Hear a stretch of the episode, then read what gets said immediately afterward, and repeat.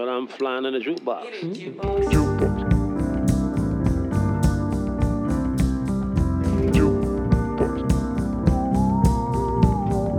Flying jukebox. Hej och välkomna till den flygande jukeboxen. En podd av, med och för musikälskare. Välkomna tillbaka borde jag kanske säga för att det här är ju säsongspremiären. Det har gått flera månader sedan vi hörde det senaste avsnittet. Mitt namn är Patrik Stanelius och eh, den här veckan har jag den stora, stora glädjen att presentera rock'n'rollstjärnan Lisa Pyk Wirström som gäst. Som tonåring började Lisa spela klaviatur i bandet Those Dancing Days. När det gänget la ner verksamheten för tio år sedan så fortsatte hon att göra musik i bandet Vulcano. Tre grymma album har det hunnit bli. Tre var de först också i bandet och eh, som ni kommer få höra Lisa berätta om här strax så är de det igen eftersom Rebecca Rolfart har gjort comeback i Vulcano. Dessutom är det en ny skiva på gång. Så goda nyheter i Vulkanovärlden med andra ord. Jag tänker så här att eftersom det var så länge sedan det kom ett nytt avsnitt så får det vara slutsnackat för mig här. Men innan jag lämnar över till Lisa och mig själv så tänkte jag bara påminna om att den flygande jukeboxen finns på Instagram och Facebook och den flygande jukeboxens officiella spellista som heter just så uppdateras på Spotify efter varje avsnitt. Okej, nu kör vi. Lisa Pyk Wirström, varmt välkommen till den flygande jukeboxen. Woo! Tack. Hur ser dina dagar ut nu för tiden? Ja, de är, de är väldigt blandade. Jag gör lite olika grejer så eh, det kan vara att jag gör som tre olika projekt samtidigt typ. Och vilka världar rör du dig i då? Jag och min kompis Michelle Eisman har börjat regissera musikvideos och reklam. Så det är en värld och då har vi kontor ihop på Kapsylen. Så vi sitter där och pular på olika idéer typ. Och eh, testar att göra konstiga filmgrejer. Och sen så håller jag på med musik ju. Eller det har faktiskt legat lite liksom chill. Men nu kommer jag komma igång med det igen i år. Så det, det är på, på G och sen håller jag på med filmkostym. Väldigt kul. Jag tänkte att vi skulle halka in på det sen men nu, eftersom du ändå nämnde att någonting håller på att hända musikaliskt i år så tänkte jag bara säga att eh, ryktet på stan är ju att eh, det här lilla bandet som du eh, är känd för att vara med i, Vulcano, har någonting på gång. Vad kan du säga om det? Men gud vad kul att det är ett rykte på stan. Det är ett rykte på stan. Ah, jo men vi ska spela in en ny skiva. Fy fasen vad kul. Ja, vi är så peppade. Och eh, när du säger vi, då menar du du, Sissi och Rebecca Rolfart. Back in biz. She's back in biz! Hon hoppade av 2012. Tror jag. Så det var ju nästan tio år sedan. Hon var egentligen bara med en, en liten kort. Kortvända. Ja. Men nu har hon eh, liksom, hon har lyssnat på låtarna och insett att det här, det är okej. Jag kan tänka mig att vara associerad till det här projektet. Ja, fan jag undrar. Det var, det var faktiskt coolt för att så här, eh, Dels så, jag håller på också med astrologi och gillar liksom lite så här eh, spirituella grejer. Och då för två år sedan så eh, jag har ett medium som jag brukar gå till som heter Lisa som är svinbra. Och hon, alltså det är inte jag. Nej, men, och, hon, och då pratade vi om, om eh, just vulcano, eller musik för då hade vi bestämt att vi skulle ha lite eh, paus för vi hade jobbat så himla mycket intensivt i några år och kände att så här, nej men nu måste vi nog ta det lite lugnt och liksom göra lite egna grejer. Och då så sa Lisa, hon bara, men gud, eh, jag ser här att ni är ju tre. Och jag bara, vem menar du den tre? Vem kan den tredje vara? Alltså typ så. Det var nästan så att jag var tvungen att bara, gud, vem, vem kan hon mena? För vi har ju haft många andra som har varit med och spelat liksom. Och då, men, men ingen fulländad medlem som Rebecca var då. Men då var det, hon bara, det är en, ja, det är en tjej. Jag, jag ser, jag kommer inte ihåg om hon till och med bara, eller jag tror att jag då bara, men gud det kanske är Rebecka du menar? Hon bara, ja det är hon, jag bara, men hon, hoppade jag av för jättelänge sedan. Hon bara, det spelar ingen roll.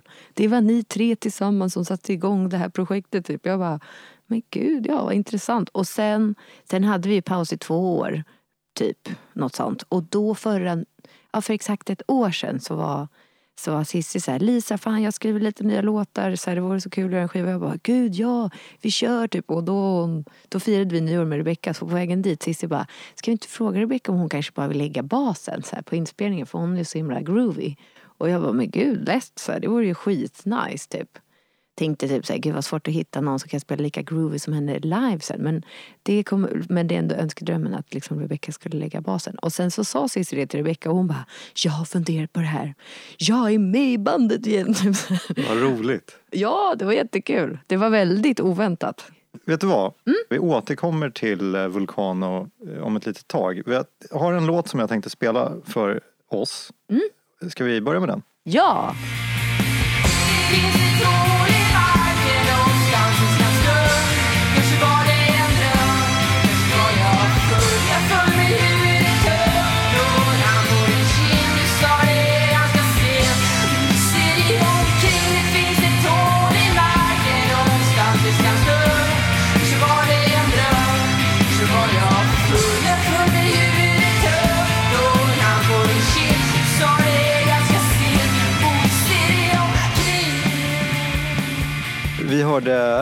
Bandet Tiger Tape lira låten Skanstull. Ha, fan, jag känner inte igen. Men jag tyckte den var väldigt bra. Mm, superlåt. Och det här är ett eh, gäng som, eh, det här är från 2010 och eh, innan de hette Tiger Tape så hette de Moofish Catfish och man kan väl tycka att det var bra att de bytte namn. Men de bildades och, släppte sitt första album då under Moofish Catfish 2008. Det är ju också samma år som Those Dancing Days. Ja, men gud! In our, in, in our Space Hero Suits. Ja! Och det är ju, eh, även om vi inte låter identiskt så är det liksom, ni, ni är ju av samma musikaliska generation, samma era, den svenska indiescenen som var så himla sprudlande där ett tag Ja. från mitten på 00-talet, eller början på 00-talet egentligen. Jag tyckte det, att det var det när jag satt och lyssnade tänkte jag så här, gud det här låter så himla sådär indie, alltså kul att de var har, har det där lilla riffet och så här trummor, alltså att det är så här svängigt och typ lekfullt. Ja. Och typ alltså jag, jag associerar det verkligen till en replokal, att man står där och bara det här blir kul. Typ, bara, alltså att så här, men, men jävligt grymt liksom. Jag tänker, i ganska många intervjusammanhang så har du ju pratat om att ni var så väldigt unga när ni startade Those Dancing Days. Gymnasieåren. Men en grej som jag är nyfiken på är det här ögonblicket när ni bara, nu startar vi ett band. Hur såg det ut? Oh, alltså så här. Vi hade redan haft ett band, jag, Rebecca och Cissi, som hette Her Peace. Som var lite mer, vi tyckte det var jättekul. Men det var med två, två andra kompisar. Hur stavade ni det? Eh, her som H-E-R och sen P-E-A-S. Okej. Okay. Det är många, många bottnar i det. ja, jag tror att det var Lovisa som sjöng som kom på det. Men vi tyckte det var så kul. För vi var Hives-fans. Mm. Så tänkte vi så här, oh, det är ju könssjukdom. Men eh, då och ärtor, ja jag vet inte. Mm. Det, ja, det beror på vem som frågar. Om det är mamsen som frågar då är det ärtor. Om, om det är en snubbe som frågar så är det herpes. ja, mamsen. Men, eh, men då, sen så la vi ner det bandet för att eh, då, då, vi hade det ettan på gymnasiet. Hur lät det? Eh, det är rätt ganska skränigt alltså. Ja, för du sa att ni var Hives-fans. Var det ja. rykter åt det hållet? Liksom? Alltså det var egentligen kanske mest lite emo-pop mest. Sen hade vi en raplåt som hette Sneballe som var riktigt, riktigt eh, bra. Det var Rebecka som skrev texten. Det var riktigt bara Du har en rosa nalle och du kallar den för Kalle. Men egentligen så är det din balle som är rosa. Och sen så gick alltså det var typ lite nästan just det vibe. typ. Men ja, vi la ner det bandet och så satt vi i min källare. Jag hade så här hängrum i min källare med min brorsa som man kunde hänga i och typ dricka folkar i smyg. Och då, då satt jag och Rebecca och Cissi där och bara Fan vi måste starta ett nytt band typ som låter typ som Shout Out Louds. Och då kände, så det var typ då och då bara okej okay, hur gör vi nu? Och då behövde vi en basist och då kände Cissi Mimmi Evrell och bara fan jag ringer Mimmi direkt. Typ, för att hon hade sagt innan så här, om ni behöver en basist i...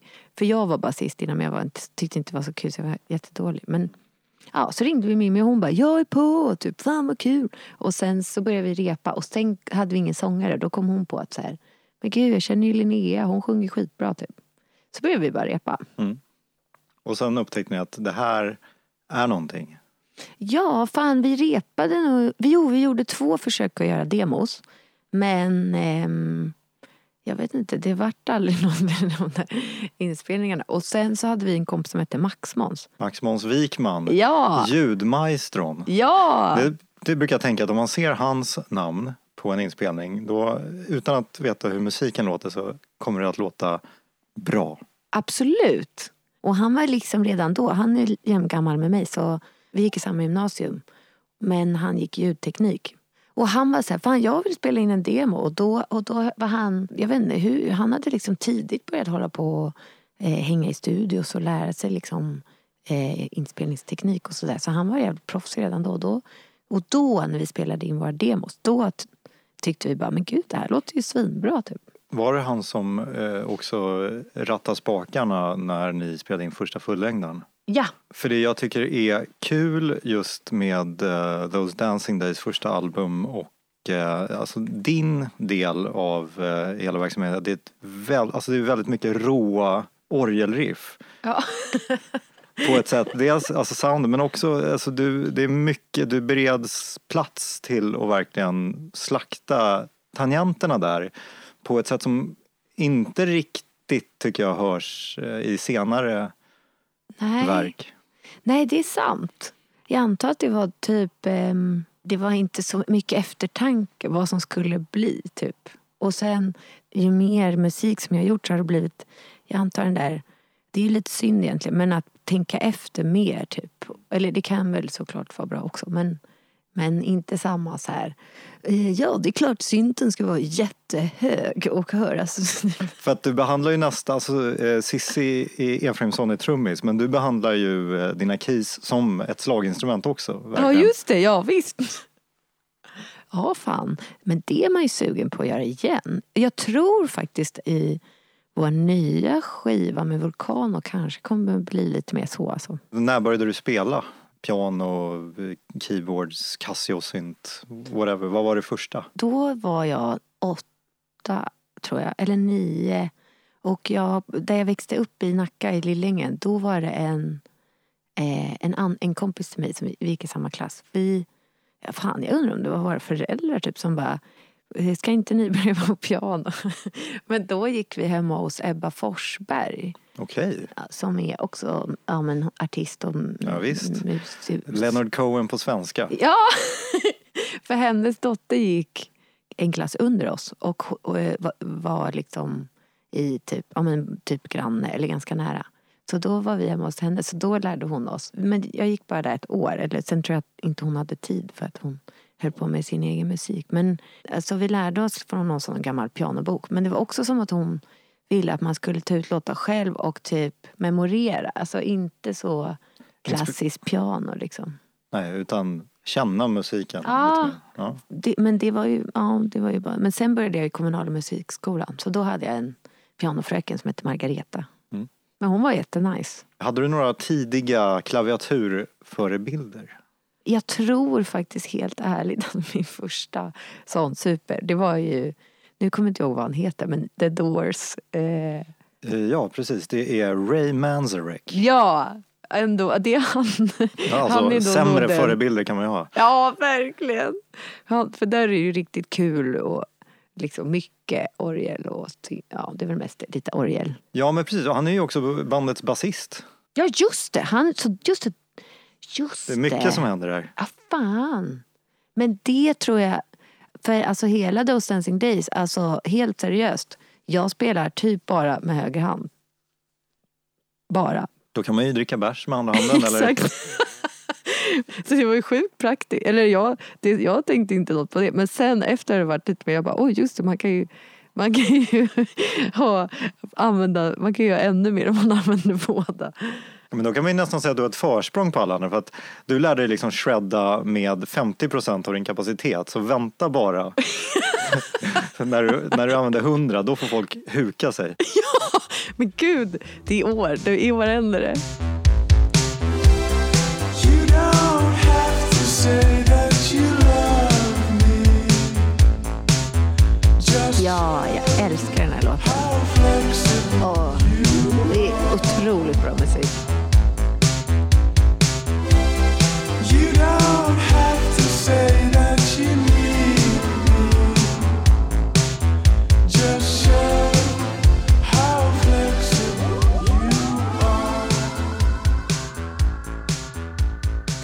Inte så snabb. Nej, Jag har aldrig tänkt på det innan. eftersom du älskar den här låten så får du gärna berätta vad det är vi har lyssnat på.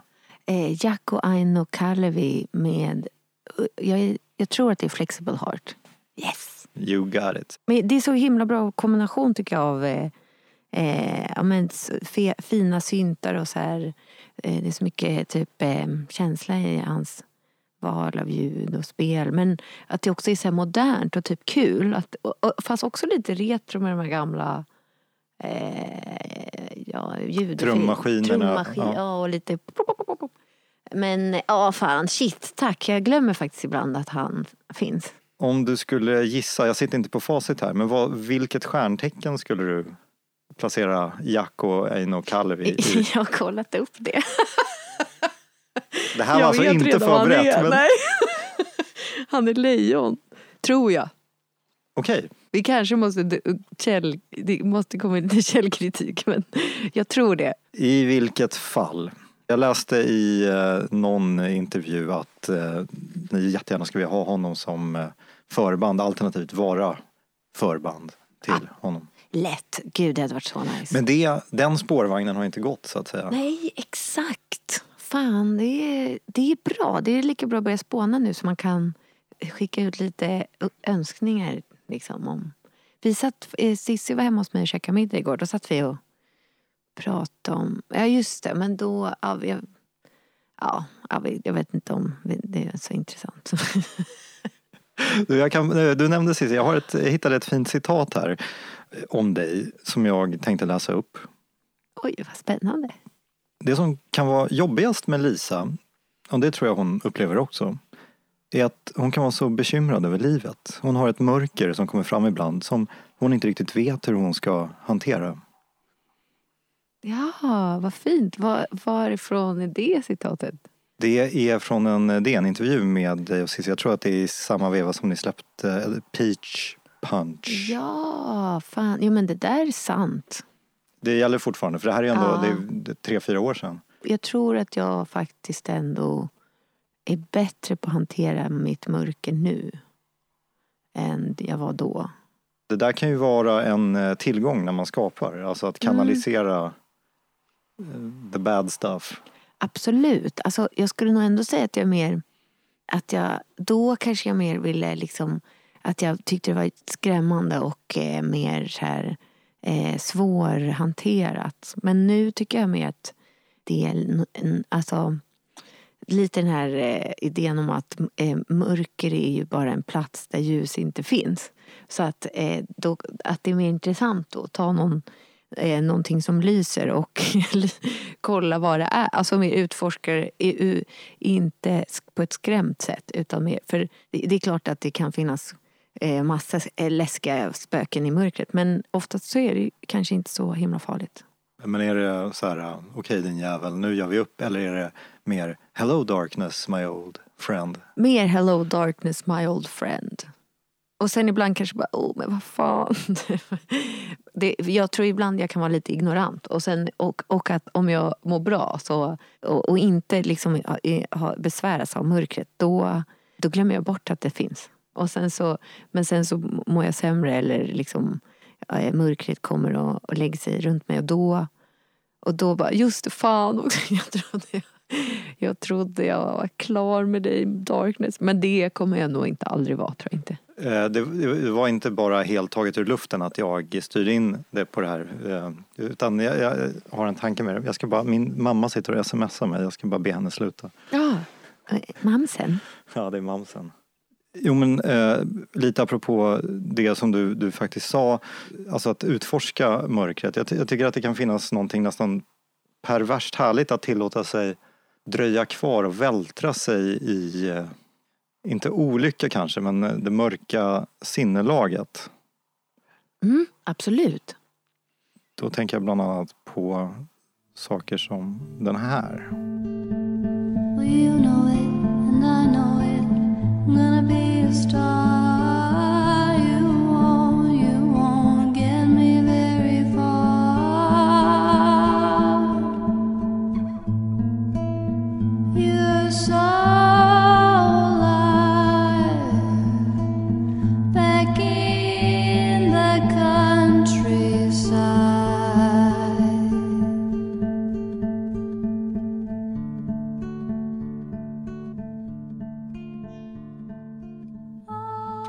Lana Del Rey? Det var det. Innan hon var Lana Del Rey så testade Elizabeth Grant, som det står i hennes pass, sin eh, lycka under namnet May Jailer. Oj. och eh, spelade in en, eh, en demoskiva som, eh, det här är 2005 eller 2006, som hamnade, hamnade i ett kassaskåp någonstans. Men shit. Och eh, sen läckte det ut på nätet för några år sedan. Det var ju otroligt vackert. Mm.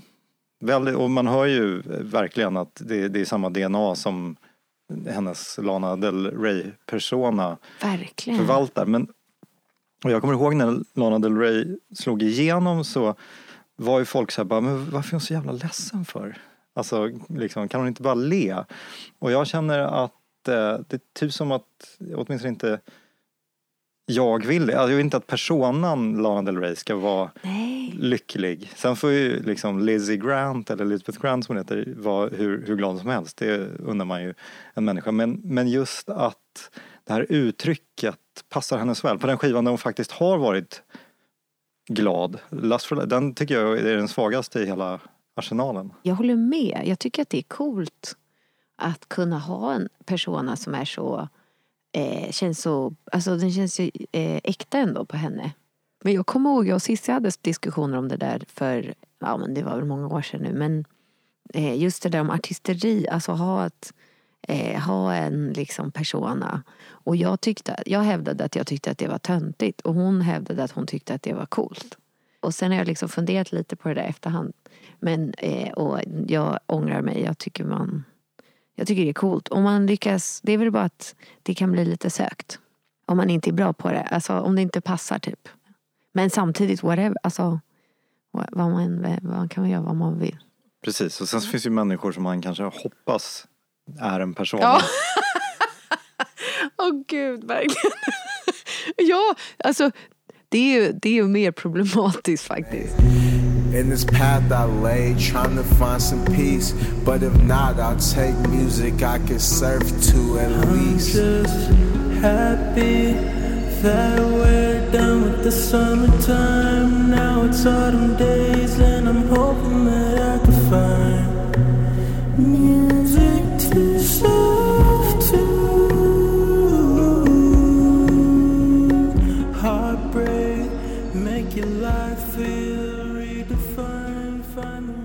Vi lyssnade på eh, Kansas City-trion Black Star Kids. Fan, det var ju svinbra. Music to Surf to. Släppt eh, i fjol. Jävlar. Och det jag tycker är kul är att det är, liksom, det, det är så skruvat på något sätt att det växer upp en generation människor som har så här Bran Van 3000, Drinking in LA som musikaliskt ideal. Den låten, den, den har varit en stor favorit alltså. Det är ju fantastiskt. Music to surf då, här kommer dagens mest långsökta koppling men eh, surfa det gör man ju i Kalifornien. Ja. Och eh, du gjorde den här klassiska eh, låtskrivartrippen till Los Angeles för, en, här, nu är det ganska många år sedan. Gud, det, förlåt jag garvar bara för att det är kul för alltså vi, jag, jag, när jag pratar om, alltså jag och Cissi började ju vara mycket i LA.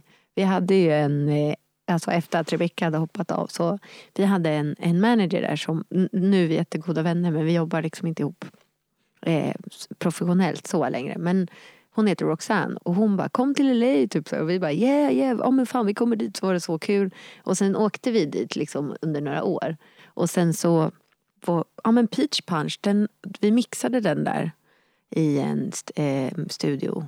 Och sen hade vi en turné och sen åkte sista hem och jag stannade kvar. Men alltså jag skrev inte en enda låt. det enda, jag var, för då, då, vi hade kört så sjukt hårt liksom med två, vi hade gjort två skivor på ett år och hållit på. Alltså det var ganska liksom, jobbigt processen då. Och då. Så jag var så trött på musik så det enda jag gjorde var typ att hänga runt och träffa nya polare typ. Surfa. Fan, surfa inte en enda gång. Vad var det som eh, fick dig att komma hem sen? Var det bara punk? Ja. ja, det var faktiskt, jag var pank. Eh, jag hade lånat pengar av min mamma. Eh, och, eh, och då när jag frågade andra gången om jag kunde låna mer, hon bara Ja, om du bokar en hembiljett. Då, då fick jag, ja så jag bara, ja men det här går ju inte riktigt. För det, jag hade ju liksom eh, visum för att vara, vara där som artist men eh, jag gjorde ju inte det. Jag tjänade inga pengar så jag kunde liksom bara göra så här under bordet jobb. Och, eh, ja, men då, och då var det liksom lite som att de enda, det var rätt svårt att hitta cash då. Jag gick ut med lite hundar och typ så här var eh, homemade typ hos en rik familj och typ hjälpte dem lite ibland på middagar. Och sen annars så, alltså när jag frågade folk då var det bara typ eh, trimma weed, sälja droger eller vara så lite eskorttjej typ. Men jag gjorde inget av det. Hur ser du tillbaka på den tiden i ditt liv? Är det med rosa skimrande glasögon eller känner du att så här, ja, det där är ett avslutat kapitel? Nej, fan. Alltså båda, kanske båda, men jag ser ändå lite med rosa skimrande glasögon. Jag hade sjukt kul där. Eller, för alltså det var i och för sig också lite tufft och utmanande. LA är ju ganska sk- skum stad ju. Men, men jättekul och jättetyp trasig. Men eh, ja, det var ändå liksom ungdomsäventyr, typ så. Så jag, jag skulle jättegärna eh, göra om det alltså. Fast kanske lite, alltså, kanske inte just så. Alltså, nu om jag skulle vara i LA skulle jag mycket hellre eh, jobba på olika, med olika kul projekt. Liksom. Men, Då tycker jag att vi eh, tar oss an bandet med stort V. men gud, jag fattade inte.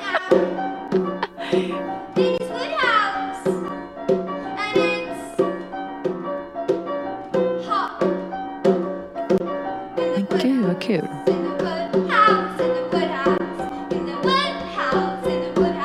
Minns du det här? Absolut. Men det, det var lite kul när vi skulle göra det för att det var som att vi höll på att rodda ganska mycket med, alltså, eller rodda, men typ vad ska vi ha på oss och typ så här, hur, var ska vi filma ifrån? Så vi hade knappt, vi hade knappt repat hur det skulle bli. När vi väl skulle spela så bara, vänta jag måste öva lite.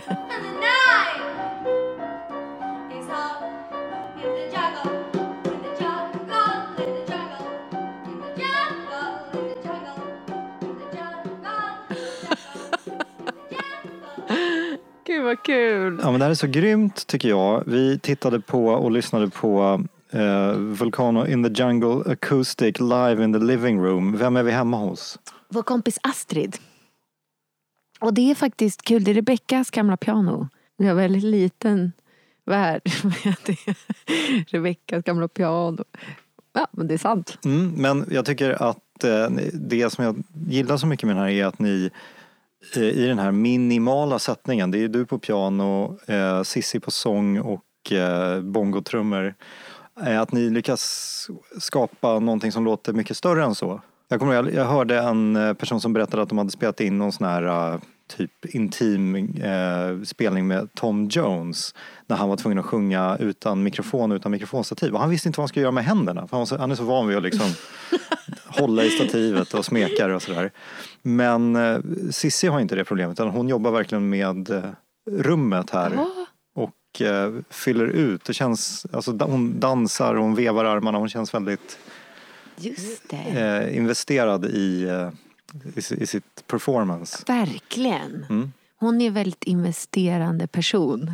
Generellt. Hon kör, om hon kör, kör hon verkligen. Men eh, jag kan ändå tänka mig, alltså hon har ju alltid, eh, eftersom hon, i Vulkan har hon ju alltid stått upp och trummat. Mm. Och då är hon ju lite fast i det. Så när vi har gjort gigs, liksom när hon, då, då vet jag att ändå att hon, hon, det blir en ny, alltså att det, det är en utmaning att så här, okej men hur, var, var, tar jag vägen? Typ sådär. En annan dimension i just den här versionen av låten är att med, när, när du spelar basen på pianot så här så får du verkligen en så här Les Baxter, Martin Denny vibb. Alltså det låter som så här exotica musik, Quiet Village. Fan det där har jag inte lyssnat på. Och det är ju 100% kompatibelt med djungeltemat. Ah, men gud, du kanske kan ge mig lite musiktips sen. eh. Bland annat det där kan jag... Jag är din kran. Ja.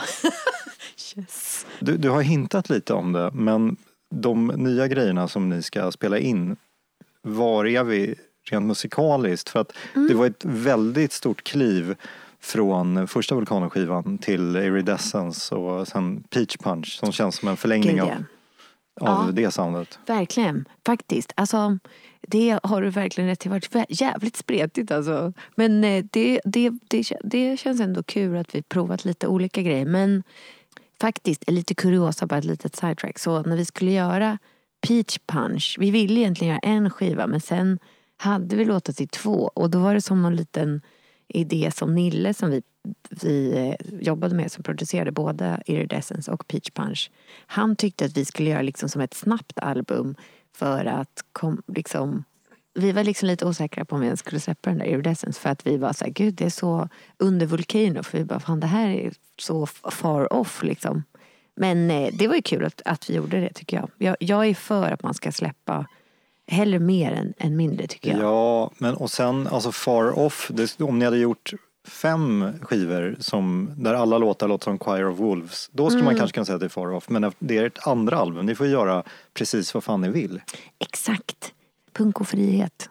Det här albumet, det kommer fan bli, tror jag, en, som en blandning mellan Peach Punch och Live Young, Die Free. Ja exakt, live wild, Live die wild, free. die free. Ja, nej men gud, det, det är lugnt. Men så det kommer vara, eh, men kommer, för vi är ju ändå alla tre, jag, Cissi och Rebecca, är ju ändå liksom från poppen i grunden. Så de elementen finns ju verkligen med. Men sen så är det som, det är lite kul för man kan tänka att vi, är, vi blir lite ändå som en trekant eller en triangel. Inte, inte en trekant. Men en triangel som, eh, alltså att vi har våra egna, även om vi har liksom kanske samma stam så drar vi alla åt lite olika håll. Så blir liksom en kul kombination av så här mm, ljus och mörker och liksom, men väldigt groovy. Och, eh, men, men vad säger man, målbilden är väl att det ska vara eh, kännas lika svängigt som live liksom Mm.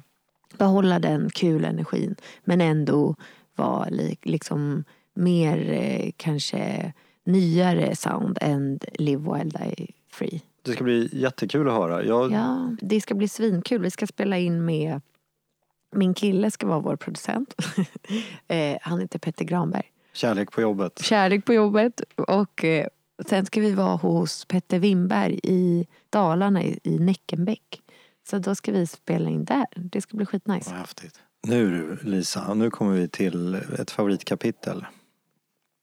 Rymden. Ja!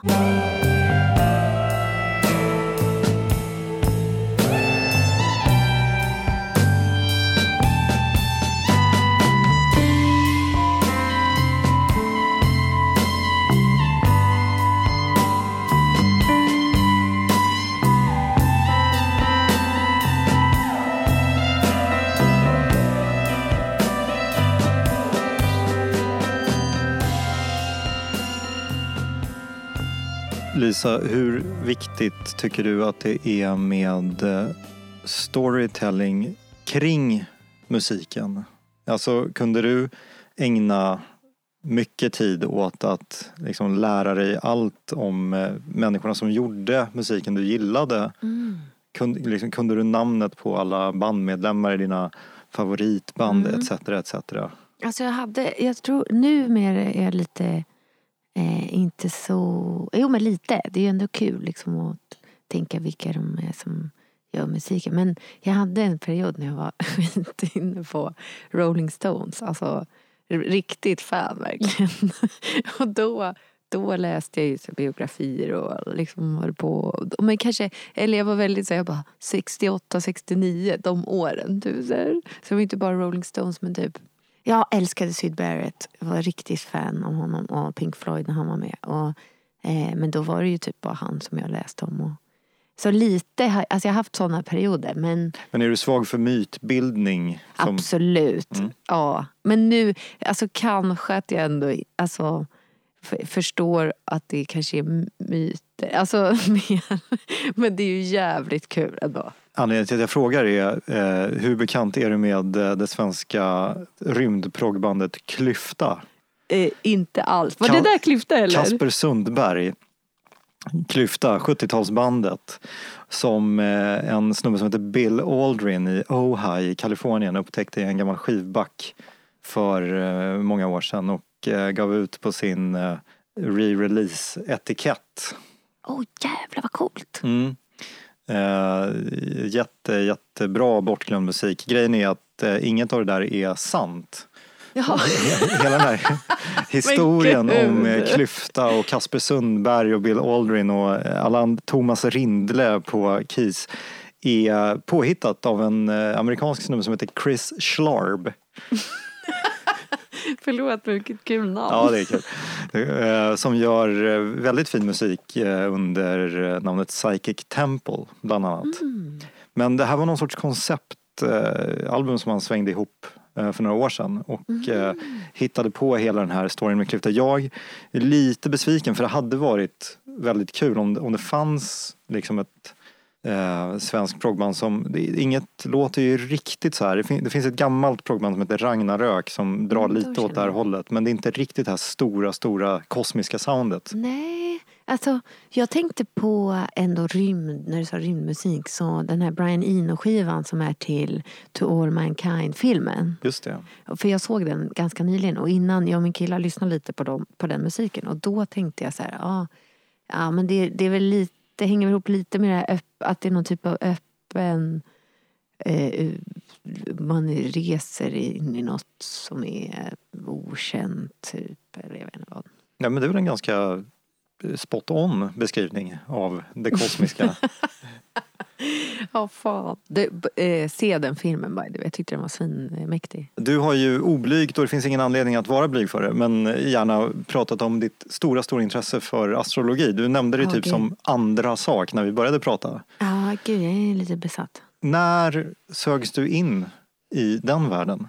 Det var nog då när vi var på turné med eh, Those Dancing Days. Och man, det är ju väldigt mycket dödtid när man är på turné. Och då i bilen måste man ju, ja man kan ju ha, läsa eller sova eller lyssna på musik eller så. Och då tror jag att jag började liksom, jag var mest inne att jag skulle lära mig tarot först. Och sen så var jag ihop med en kille då vars mamma höll på med tarot. Så hon tipsade, så när jag fyllde 20 fick jag en tarotbok och en tarotlek av henne. Och så tipsade hon mig om en butik i, som då låg på Drottninggatan, men nu är den i Gamla stan. Som heter Isis kammare. Ja, och då gick jag dit och så här skulle se om det fanns någon kurs att gå typ. Är det ett eh, inkluderande sällskap? Alltså om du, du kliver in över tröskeln på Isis kammare och säger tjena, jag vill lära mig allt om det här. Är det så här, nej kom tillbaka när du har snackat med, vet, eller var det så här, ja, här ska jag visa dig runt? Nej men det var nog ändå lite mer som första. att, eh, men då, jag vet att den, då, för nu Margareta som har det, hon är den som har lärt mig astrologi. Så hon blev verkligen min mentor som, och är fortfarande en, eh, en, en, ja, men en mentor typ. Jag kommer ihåg att jag gick in där och hon, alltså, jag tyckte det var lite skrämmande vibe där inne typ. Eller skrämmande men det var liksom lite sådär, något onytt för mig. Och, så lite, och hon, var, hon är lite avvaktande och så här, så jag frågade lite om liksom, tips och gav hon mig lite tips. Och var lite så här, ja men ja, läs det här, typ sådär. Hur många flyttkartonger esoterika blev det när du flyttade för senaste gången? Fan, i en kanske. Okej. Jag har inte svinmycket böcker men, men jag går en sån seriös astroutbildning nu på nätet. Så här, eh, mot en skola som heter MISPA i, som är i London. Men den är liksom webinars. Mm. Hur ser den kursplanen ut? På, ett, Eh, på en höft. På en höft. Ja, men, eh, den är inriktad på eh, psychological astrology. Vilket är att man verkligen någon typ av eh, liksom klient, eh, astrolog och sen sin klient som man hjälper. Och då genom att tolka dens chart kan se liksom djupare problematik som man ska, alltså typ som, och, och, som bygger mycket på typ som Jung, alltså så här arketyper och typ mytologi och sådana där grejer. Jag går i år två nu och då förra året var det mycket Ja men eh, typ the shadow sides, typ och alltså sådana där grejer. Så att det var liksom olika teman på varje lektion. Men nu år två, då är det olika eh, gästlä- eller olika lärare som har som webbinar som man får följa. Ja, de har riktat in sig på någonting som man... Och då sista hette 50 shades of red. och det handlar om Mars. Men Mars med Mars and the outer planets. Alltså Uranus, eh, Saturnus och Neptunus. Och Pluto. Jag, Inte Saturnus förresten. nej, jag är väldigt illa bevandrad i eh, den teoretiska delen av det. Men just det med planeterna, Gustav Holsts planetsvit, så heter ju planeterna så här Jupiter, the, the jolly planet. Ja, Och, ja. ja. Så att, eh, ja, där, Ja, där men då har du lite- klocka. Lite koll, absolut. Ah, Men jag tycker det låter väldigt spännande. Alltså det är väldigt kul. Min fråga till dig då är, du som nu får vara ambassadör för hela astrologkåren. Är det, liksom, är det team stjärntecken eller kollar ni även på typ den kinesiska zodiaken? Jag gör inte det. Men, men vissa gör det. Och det hade ju varit kul. Men det har inte kommit så långt än. Men eh, det är kul att, svar. Ja. det är coolt att kunna blanda in. Man kan ju koka sin egen lilla soppa liksom. För att jag eh, bodde i Kina en sväng och Mm, eh, då på, på den tiden, det är ju mer än tio år sedan, då var det liksom zeitgeist att prata västerländska stjärntecken. Jaha. För att där är det ju, alltså så här, vilket zodiakår man är född i. Det är liksom, det är typ så här, vilken grundskola har du gått i? Oj, vad Och- är du då? Jag är oxe. Och du är drake. Ja, det. Mm. Drakskorpion. Det låter farligt. Jag vet. jag vet, jag blev själv så här. Oh, Nico lever upp till. Check out my, Coolt. check out my. Det här borde du veta vad det är. Du var där. Oj då. Men Det kanske var en bra kväll.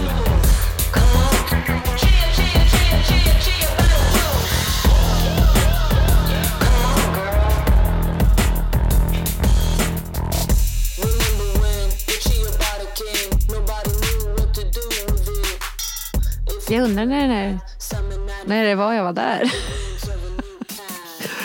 Vi ska, vi ska, vi ska bena ut det här. Eh, Så då, du vet alltså inte riktigt hundra vad det var vi lyssnade på. Eh, Låten heter Chiabara Wounds. Ex Nymfo. Jo, men gud! Ja, fan! Och- Fan, jävligt bra alltså. Jättebra. Och bakom namnet Ex Nymfo så döljer sig Charlie Paulin, eller Pauline, Charlotta Paulin. Också basist i det coola psykbandet The Pre-Solar Sands. Ja. Och eh, när Ex-Nymfo skulle eh, ha någon sorts release-spelning i stan så var hon uppbackad av ett eh, jättebra band som hette Las Puertas de Loquera. Alltså eh, portarna till vansinnet eller Ja. galenskapen.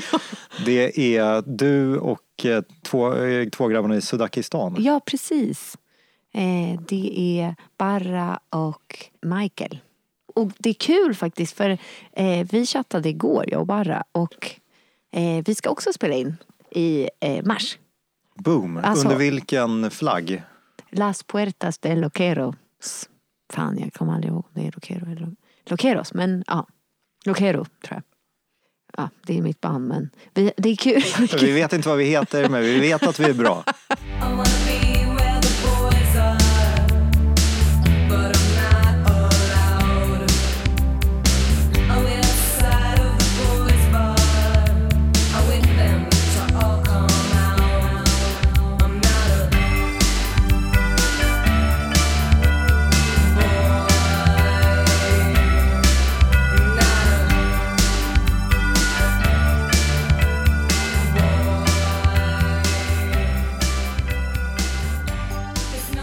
finns ju en eh, sida av eh, ditt liv som vi inte hunnit ta upp som jag hemskt gärna vill snudda lite vid innan vi avrundar. Och det här var eh, New Wave-gruppen Book of Love. Mhm. Verksam i New York på 80-talet. Låten heter Boy och jag läste en intervju med den danske filmregissören Nicolas Winding Refn, Revn, Refn som sa att det här är hans favoritlåt alla tider och han funderar alltid på hur han ska kunna jobba in den i, i en story. Och eh, när jag kontaktade Google för att få ut din sökhistorik så Nej jag skojar bara. Bra. Jag bara, ja, well put. Nej men om man slår på ditt namn i Svensk filmdatabas så eh, kommer det ju upp en, en hel del credits bland annat så står det att du varit praktikant på Ruben Östlunds film The Square. Ja. Eh, För du är ju inne i filmsvängen. Mm. Eh, Så att om vi bara börjar i The Square, vad gjorde du där? Det är, det är lite kul för det hänger faktiskt ändå ihop med den här LA-tiden. Jag var ju, alltså som sagt i LA var jag ju mest runt och ja men typ flumma lu- runt där liksom. Men sen så som sagt så var jag ju pank och kom hem och insåg att så här shit, ja det gick inte så skit, jättebra med vårt skivkontrakt som vi ville ha och så vidare. Och så kom jag hem och bara gud vad ska jag göra nu? Och då hade jag hållit på lite med kostym. Eh, på liksom, egentligen mest med, med våra musikvideos och sånt. Och sen så och då så känner jag Markus Krunegård så länge från eh, Those Dancing Days-tiden.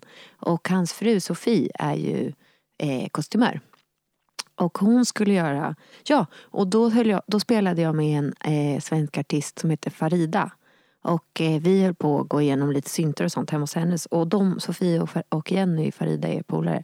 Så då stötte vi på Sofie på Palumi och skulle, för vi skulle käka lunch. Och då så var hon så här, ja men jag håller på med den här, jag har precis börjat på Ruben Östlunds nya film. Och då tänkte jag så här, men gud, jag får ju höra av mig till henne. Så skrev jag till henne på Instagram och bara, hej behöver du en assistent? Och då hon sa, nej fan jag har assistent men jag behöver en praktikant. Så då var jag kostymas, kostymör, alltså kostymassistent praktikant. Vad inbegriper det? Vad fick du göra? Eh, köpa sjukt mycket kläder och jag fick även gå och liksom eh, köpa eh, romska kläder av en romsk kvinna. Och, eh, Hur såg den transaktionen ut? Hela den, det mötet? den var riktigt flummigt faktiskt. Det, var, det kändes som att eh, ja, det var, det var jag, för, för hon eh, pratade bara ro- romani. Ja, och, så jag fick med mig en, en kille som hjälpte till. Liksom, för det är en del romska kvinnor med i filmen. Eh, och då, det var därför jag skulle köpa romska kläder. Och då, då hade jag med mig en, en, en man, jag har glömt vad han heter, men han hjälpte mig att liksom förmedla den här businessen typ. Men det var, det var jävligt flummigt faktiskt. Men det gick bra. Det gick bra. Ja. Men, men nu, jag, för hela förra året jobbade jag med Sofie på hans nya film. Triangle of Sadness? Jajamän, precis. Den heter så va? Ja, ja. Men var du uppgraderad då? Från... Ja, då är jag assistent. Så jag, vi, vi, vi ehm, påbörjade ett samarbete på The Square, jag och Sofie. Så, sen har jag jobbat mycket med henne. Och där, Lisa, går vi faktiskt i mål. Jag vill säga, jättestort tack för att du orkade dig hit denna gråa dag. Gud, det var så kul. Det här var det roligaste jag gjort på hela veckan. Grym podd.